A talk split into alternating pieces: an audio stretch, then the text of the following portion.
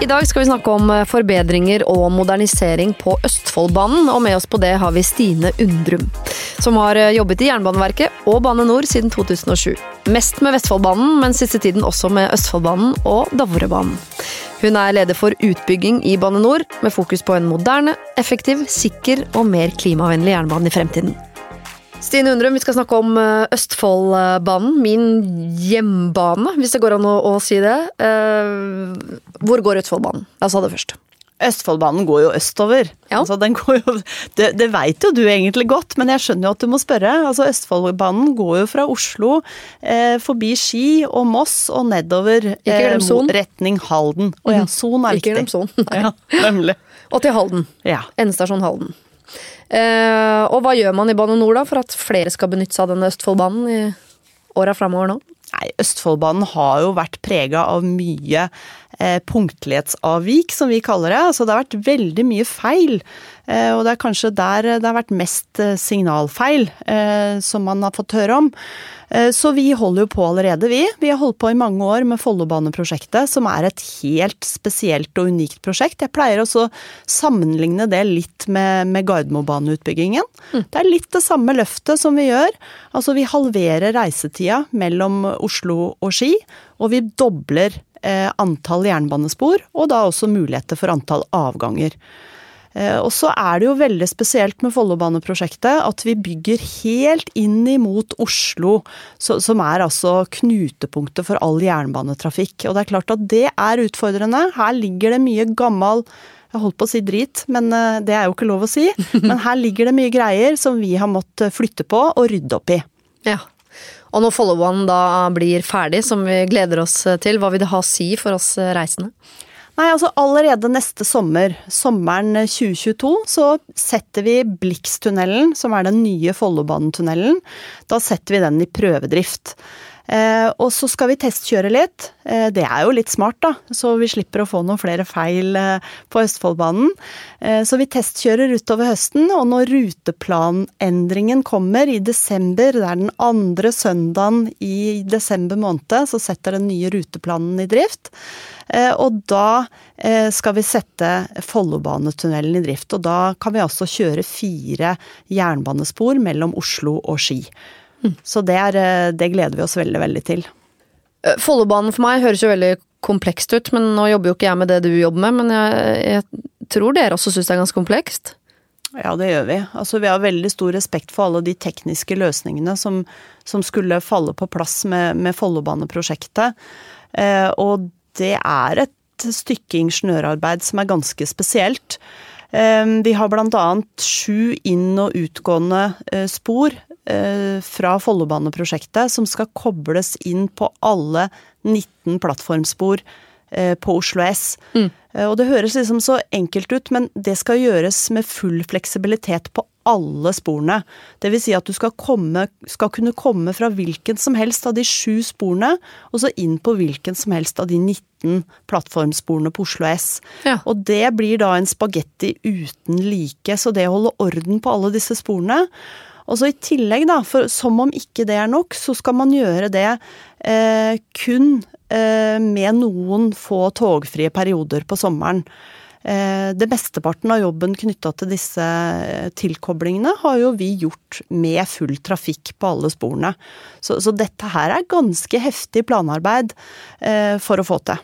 Så når vi tar buss for tog på sommeren, så er det fordi det jobbes intenst med at ikke dette skal prege oss i arbeidshverdagen vår?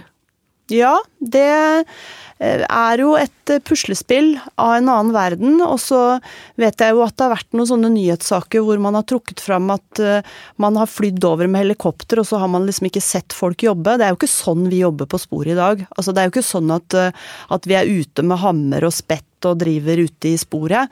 Her jobbes det inne i tekniske hus, og vi driver jo med mye som er høyteknologisk sånn i siste fase. Sånn at det er ikke sånn at det står eh, en mann per meter spor.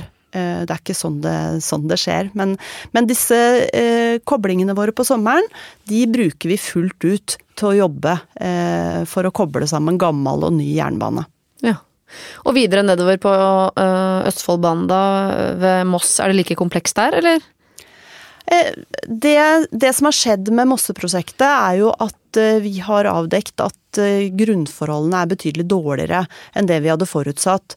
Og det er klart at det er utfordrende å jobbe med et kvikkleirområde, og særlig sånn sett i lys av denne Gjerdrum-hendelsen, mm. så har vi jo voldsom respekt for dette kvikkleireområdet. Og det er sånn at området i dag Altså, vi beveger oss ikke inne i dette området egentlig, men, men, dette har noe med en stabilitet for hele Moss sentrum å gjøre. Sånn at når vi nå bygger ut det nye dobbeltsporet i Moss, så blir Moss et sikrere sted å bo eh, og leve etter at vi er ferdig. Fordi vi går inn og grunnforsterker og vi gjør tiltak eh, i den eksisterende situasjonen for å kunne eh, bygge jernbanen. Og dette, altså, eh, så mye begreper, for det er Follobanen som er en del av Østfoldbanen. Og så snakker dere også om indre intercity og ytre intercity. Eh, hva liksom Hva, hva etter Follobanen? Ja. Hva gjør dere da? Altså Hvis vi ser på hva som er indre intercity på, mm. eh, på, eh, på Østfoldbanen, eh, så er det eh, Follobaneprosjektet, og så er det det som vi kaller for Sandbukta-Moss-Såstad. det gjelder hele veien ned til Moss. Eh, og der er vi også i gang. Vi er jo i gang med dette Mosse-prosjektet, eh, som eh, vi bygger altså nytt fullverdig dobbeltspor hele veien til Moss, og et helt splitter ny jernbanestasjon i Moss sentrum. Og når alt det står ferdig, når Follobanen er ferdig, og når Mosse-prosjektet står ferdig, så kan vi kjøre fire tog i timen. Dvs. Si at det går et tog hvert kvarter fra og til Moss. Mm hele veien, både på Østfoldbanen, eh, altså den østre linja, og eh, gjennom den nye Blixtunnelen. Eh, sånn at da får vi et, hel, et, helt annet rutemønster. Da kan du egentlig slutte å se på klokka når du skal ta toget i Moss. Det blir veldig, veldig bra. Ja, da kan man i praksis bare gå ned på stasjonen og vente på neste tog. Ja, det er tog. det man kan. Det er det man kan. Ja.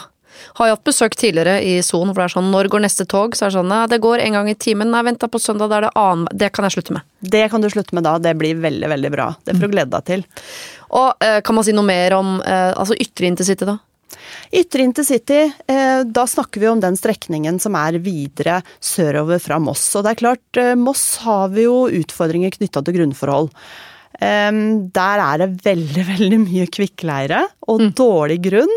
Um, det var en politiker litt høyt oppe som sa hvorfor i all verden skulle man bosette seg i Østfold? Uh, han mente at eh, det, det var litt, uh, litt, for dårlig grunn. Det står noe i Bibelen om det her, tror jeg. Oh, ja. Men um, Da tror jeg men skjønner hvem slit... denne politikeren er. Ikke sant? så sånn er det. Men, men, det er klart vi jobber nå med å se på optimaliseringer, for vi har ikke gitt opp. Det er ikke sånn at vi har gitt opp Østfold. Det er veldig mange som bor nedover i Østfold-området som fortjener et godt togtilbud. Mm. Så nå eh, driver vi og optimaliserer og ser på løsninger, ser på å bygge biter og deler av et nytt dobbeltspor. Gjøre tiltak på stasjonene, sånn at vi kan få tatt ut mest mulig effekt og gi et best mulig togtilbud for minst mulig penger også nedover i Østfold. Så mm. det er gode nyheter. Og dette er jo veien videre for oss til Sverige og Europa. Har det noe å si for muligheten til å liksom benytte seg mer av tog den veien? Ja, selvfølgelig har det det. For, for det at vi da får, får bygd et eh, godt uh, togtilbud hele veien ned til Sarpsborg, og som vi også kan ta ned til Halden, så får vi helt andre muligheter til å kjøre også Gøteborg og København. Eh, og vi har jo snakka tidligere om, eh, om, det med interoperabilitet, altså det med å kunne kjøre tog over landegrensene. Det legger vi veldig godt til rette for med dette nye EU-direktivet, da. Så, mm. så det, er, eh, det er positivt. Jeg syns mannen min ble 10% kjekkere den dagen han sa han skulle begynne å kjøre tog til Gøteborg, for da ante jeg muligheter for meg også til å være mye i Gøteborg. Hvis dere nå legger til København på den mulighetslista, så ja, da gleder jeg meg til fremtiden. Da blir den veldig mørk, høy og mørk. Den blir veldig høy og mørk, ja. Og som pendler på Østfoldbanen, begge retninger egentlig, eh, fra Sonsveien hvor jeg bor, da, så må jeg bare si på vegne av min eh, mann og meg selv at det er veldig betryggende å høre om alle disse forbedringene som dere gjør. Så eh, tusen takk, Stine Undrum.